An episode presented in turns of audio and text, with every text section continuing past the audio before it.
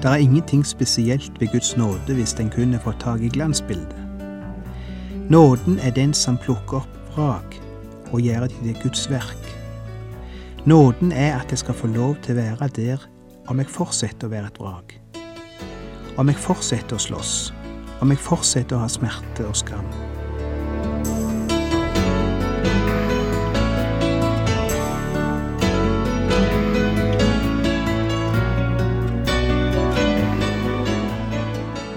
Hjertelig velkommen til et nytt program i serien Vindu mot livet. Vindu mot livet er basert på programserien Insight for Living ved Chuck Svindal. Programmet er produsert av Kristen Riksradio og blir ledet av Ola Bjoland.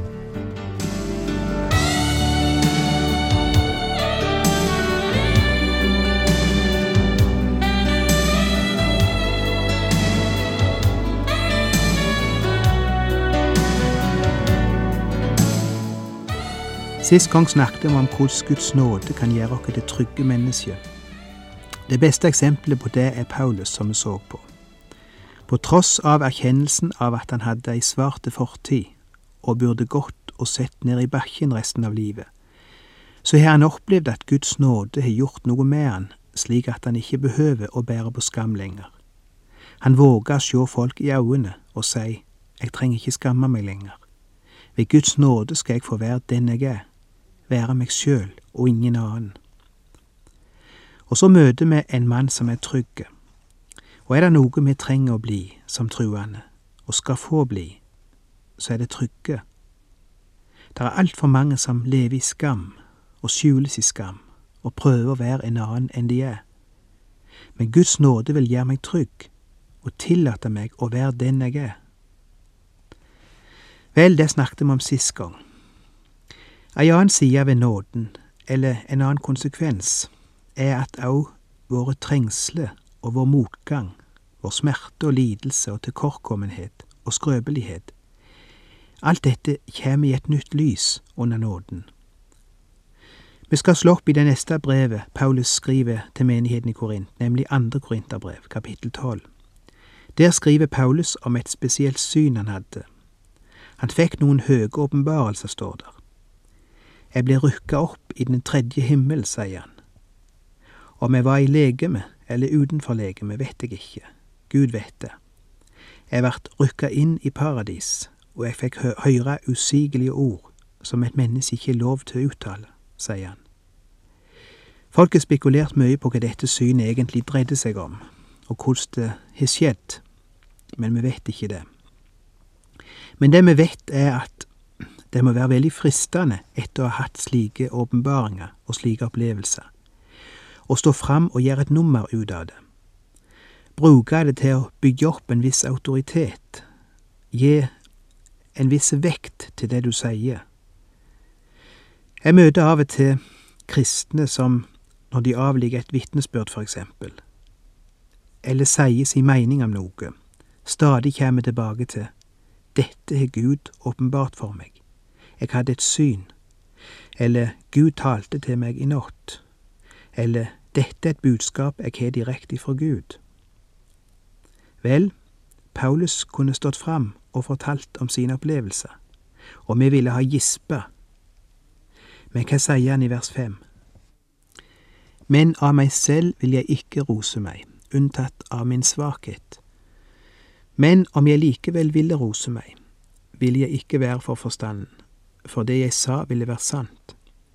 Men jeg lar det være, for jeg vil ikke at noen skal gjøre seg større tanker om meg enn de, enn de han får når han ser og hører meg. Og så fortsetter han i vers sju. For at jeg ikke skal bli havmodig på grunn av de høye åpenbaringene, har jeg fått en tårn i legeme, en Satans engel som skal slå meg, for at jeg ikke skal bli havmodig.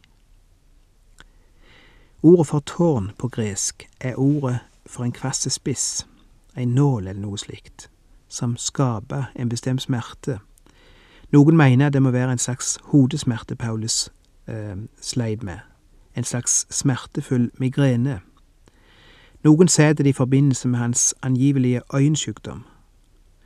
Noen mener det går på svakhet, kanskje en moralsk svakhet, som heller han nede i ydmykhet. Vi vet ikke.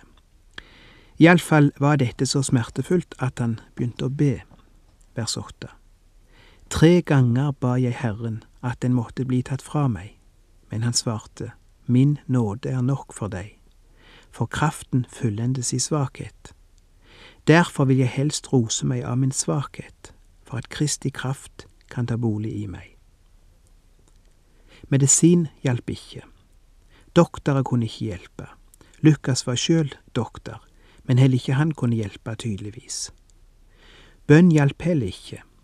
Ingenting kunne ta bort smerten eller svakheten. Men Guds nåde ga smerten mening, hvis vi kan si det slik, eller formål. Og nå kan Paulus stå fram og si, jeg har vokst på dette, jeg har lært noe. Ja, uten denne smerte ville jeg ikke ha vært den jeg er i dag. Guds nåde har gjort min lidelse til en ressurs, som jeg ikke bare ikke ville vært foruten, men som faktisk har blitt viktigere for meg enn alle de store åpenbaringer og opplevelser jeg har hatt i livet. Vers 10 Derfor er jeg for Kristi skyld ved godt mot når jeg er svak, blir mishandlet, er i nød, forfølgelser og vanskeligheter. For når jeg er svak, da er jeg sterk. Og så står Paulus fram, i plassen for å framheve de fine sidene med seg sjøl, den åndelige sida, de store åpenbaringene som ville fått folk til å falle på kne for han i beundring. Og i plassen for dette sier han, jeg har ei annen side, jeg har en smerte, og jeg legger ikke skjul på den. Det er en del av meg, og jeg skammer meg ikke lenger over den, for Guds nåde har brukt den og gitt meg mer erfaring og mer modenhet gjennom dette enn gjennom noe annet. Jeg roser meg av min svakhet. Ja, det sier han faktisk. Paulus slår ikke øynene ned lenger i skam. Tvert om våger han å være seg sjøl med all sin svakhet, og han står fram og sier, Sjå hvem jeg er, og sjå hvor stor Guds nåde er, at jeg skal få være hans midt i min svakhet, og at han enda er så nådig at han bruker min svakhet, bruker det vonde som hendte, og gjør noe godt ut av det. Det er mitt vitnesbyrd. Det er det jeg vil snakke om. Det vet hvem jeg er, og vet hvem jeg var. Og jeg har grått mange tårer og bedt mange bønner i håp om at Gud skulle ta bort smerten og svakheten, så jeg kunne se finere ut. I plassen stiller han det ut, ikke for å ydmyke meg, men for å vise meg og vise all verden hva Guds nåde er, og hva Guds nåde kan utrette. Det er å være trygg, folkens. Å komme dit at en våger å stå fram som den en er, og si Gud har anerkjent meg, Gud har tilgitt meg, Gud har gjort meg til sitt barn, slik som jeg er. Når Han ikke skammer seg over meg, hvorfor skulle jeg skamme meg? Når Han ikke skjuler min svakhet, hvorfor skulle jeg skjule den? Vi er så opptatt av hva folk skal si hvis de oppdager at vi har ei svarte side eller ei svake side. Men ikke skjul den. Det gjør, gjør det lettere for andre å komme til rette med sin svakhet. Det gjør at folk lettere identifiserer seg med deg. Ikke truende mennesker, kanskje, men også truende. Folk som tror at de er de eneste i verden som har det slik. Jeg bare spør, hvor hadde du og jeg vært i dag, eller hvordan hadde det vært med vår frimodighet, hvis Paulus hadde valgt å ikke stå fram og fortelle om sin svakhet?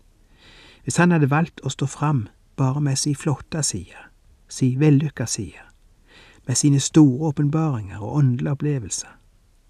Eller Moses, eller Abraham, eller David, eller Peter? De store helgenene sto fram og viste med all tydelighet dette er meg, og ved Guds nåde får jeg være Hans og brukast av Hans, enda jeg er slik. Men vi, hva gjør vi? Vi skjuler oss. Vi prøver å framstå som andre enn det vi virkelig er. Du vet at det er sant om deg, og jeg vet at det er sant om meg. Jeg vet at det bildet mange har av meg, er snarere et glansbilde enn et sant bilde. Og det tragiske er, det skjuler for Guds nåde. Det er ingenting spesielt ved Guds nåde hvis en kun får tak i glansbildet. Nåden er den som plukker opp vrak og gjør de til Guds verk. Nåden er at jeg skal få lov å være der om jeg fortsetter å være et vrak, om jeg fortsetter å slåss, om jeg fortsetter å ha smerte og skam. Og da forstår vi hva Paulus mener. Skammen, svakheten, vart det noe jeg får rose meg av, fordi den viser hvor stor Guds nåde er. Hvis jeg var helgen, ville jeg blitt store, ikke nåden. Å, om vi kunne lært dette. Jeg merker det gang på gang òg i min forkynnelse. Husker hvordan jeg følte meg fullstendig mislukka en gang jeg skulle tale. Ikke fikk til talen, og ikke fikk jeg til det kristenlivet jeg skulle tale om. Og det skinte nok gjennom, så jeg prøvde ikke å legge skjul på det. Jeg tror jeg sa det nokså rett ut. Her står jeg, og nå ser det hvor lite jeg sjøl får til av dette, og hvordan jeg er. Det eneste jeg kan holde meg til nå, er Guds nåde. Jeg har virkelig ikke noe annet å snakke om akkurat nå enn det. At jeg skal få være hans barn òg nå, slik det ser at jeg er. Aldri har jeg fått så mange takk etter en tale som den gangen. Kan du ha det slik? Ja, hva trodde du? Har jeg virkelig gitt uttrykk for at jeg er kommet på et høyere nivå? Da er det på tide å begynne å tenke igjennom hvordan vi virker på mennesker rundt oss, hva slags signal vi sender ut. Paulus sto fram slik han var, og for de helgenene i Bibelen som ikke var trygge nok til sjøl å stå fram, så sørga Gud for at det likevel kom fram i de hellige skriftene. Og uten disse sanne skildringene av et truende menneske ville jeg nok ikke våget å tro på og å leve i Guds nåde. Jeg vil gjerne avslutte med et personlig vitnesbyrd om nettopp dette ordet som vi har sett på i dag. Det ligger kanskje bitte litt på sida av det vi snakket om, og dog utfyller det, utfyller det bildet, for det er i grunn ei side ved samme sak. Da jeg reiste hjemmefra for første gang, fikk jeg med meg et lite bilde, en ramme med et slags svart stoff der det var sydd inn med store bokstaver. Min nåde er nok for deg. Det var et gammelt bilde, dette, som så lenge jeg kan huske hadde hengt i mor og fars soverom. Nå fikk jeg det med meg og hengte det opp over mi seng der jeg bodde på hybel, på motsatt vegg av der jeg lå med hodet, slik at det første øynene mine støtte, møtte når jeg våkna om morgenen, var dette ordet, og det siste jeg så før jeg sovna inn om kvelden, var det samme ordet, min nåde er nok for deg. Og kanskje det er grunnen til at det etter hvert har ripa seg inn i hjertet mitt og blitt et av de kjæreste ordene jeg har. Nåde nok. Det har blitt litt av mitt daglige liv i og med at det hang der. Det hender en kristen kommer inn i det de gamle kalte syndenød, det vil si at en, en får det vondt fordi det går opp for en hvor lite en strekker til som kristen. Jeg hadde en periode i mitt liv da jeg på en spesiell måte kjente på dette. Jeg var motløs. Jeg ville så gjerne være en kristen, og jeg ville så gjerne leve reint, og jeg klarte det ikke. Og jeg gikk på bedehuset, var med på bønnemøte og vitnemøte, reiste meg og vitna, og fikk av og til oppleve det fantastiske at Jesus elska meg slik som jeg var. Og så fikk jeg oppleve Guds nåde, fikk lov å tro at Han tilga mi synd og tok imot meg for Jesus skyld. Så følte jeg meg glad og letta, og jeg lovte meg sjøl at fra nå av skulle det bli annerledes med mitt liv. Og jeg kunne stå opp og vitne med tårer i øynene. Farvel, du brede strede, du ser meg aldri mer. Jeg kjenner godt din glede og hva den gir meg her. Jeg bærer dype merker og sår av mange slag. Det kostet Jesu dyre blod å frelse meg en dag. Og når jeg gikk hjem ifra møtet, husker jeg ofte gikk og sang. Å, var jeg mer deg, Jesus, lik, så hjertevarm og god, med same kjærleik utan svik som du i striden stod. Å, var jeg mer med liv og tru, i alle ting som du, som du, min Gud, hvor sel jeg var. Det var ingenting jeg heller ville enn å leve reint og rett. Jeg husker at jeg fortsatte sangen etter at jeg var kommet heim, etter at jeg hadde lagt meg, la meg under dyna så ingen skulle høre meg. Å, var mitt liv ei himmelbru, i alle ting som du som du, min Gud, hvor sel jeg var. Så gikk jeg ut i hverdagen med nytt mot, nå skulle alt bli annerledes. Nå skulle jeg være god og varm og leve reint i tanker og ord og gjerninger. Og så gikk det ikke så lenge, så meldte vanskene seg igjen. Det var vanskelig nok å leve reint i gjerninger, men om jeg på sett og vis klarte å holde meg borte fra Yttersund, så klarte jeg det ikke med tankene, og så falt jeg i samme ting som jeg hadde fått tilgivelse for, og som jeg hadde lovt Jesus at jeg aldri mer skulle gjøre. Det var grusomt. Da begynte det virkelig å røyne på. En ting var å få tilgivelse én gang for ei synd, en annen ting var å komme igjen gang på gang og be om tilgivelse for samme synd. Det måtte vel være grenser for hvor mange ganger Gud kunne tilgi samme synd. Det måtte vel være grenser for Guds tålmodighet. Vet du hva for et ord som hjalp meg?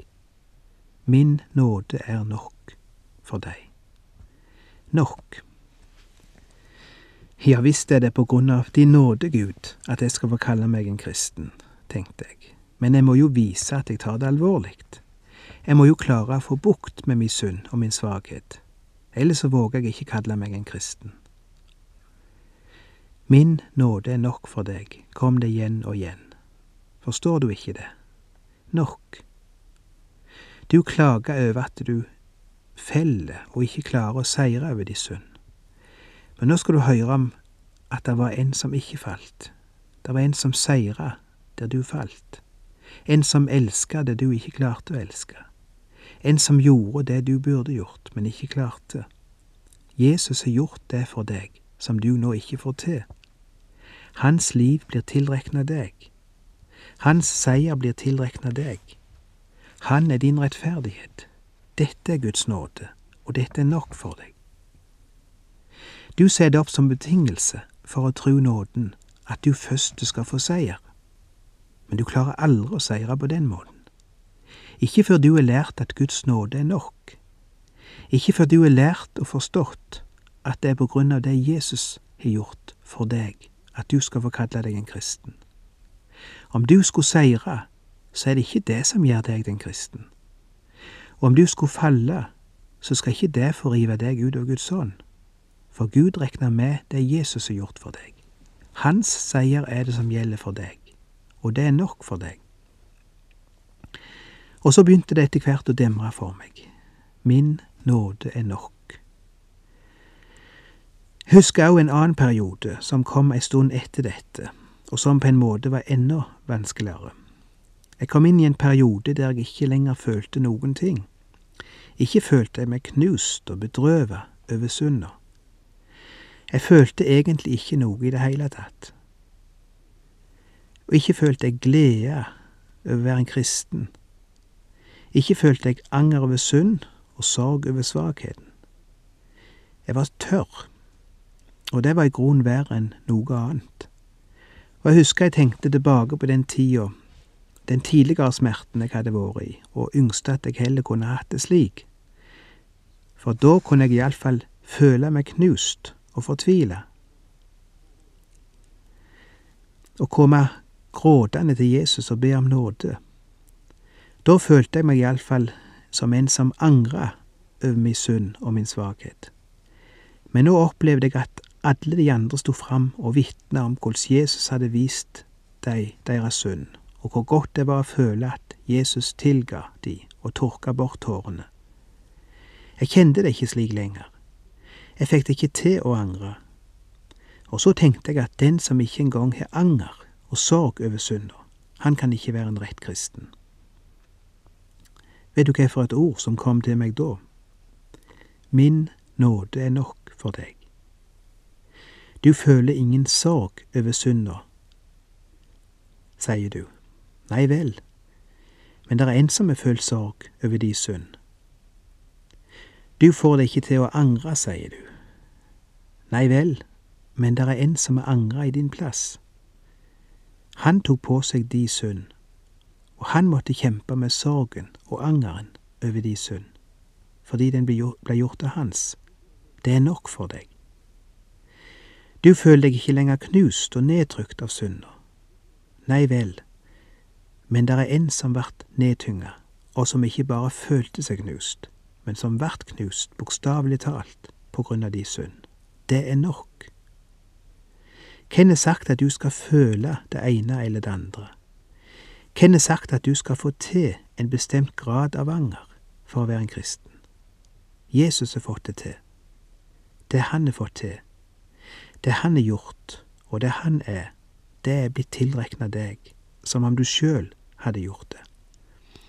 Det er dette som gjør deg til en kristen. Guds nåde er nok for deg. Det trengs ikke noe mer ifra de side. Å, for en medisin. Å, for et evangelium.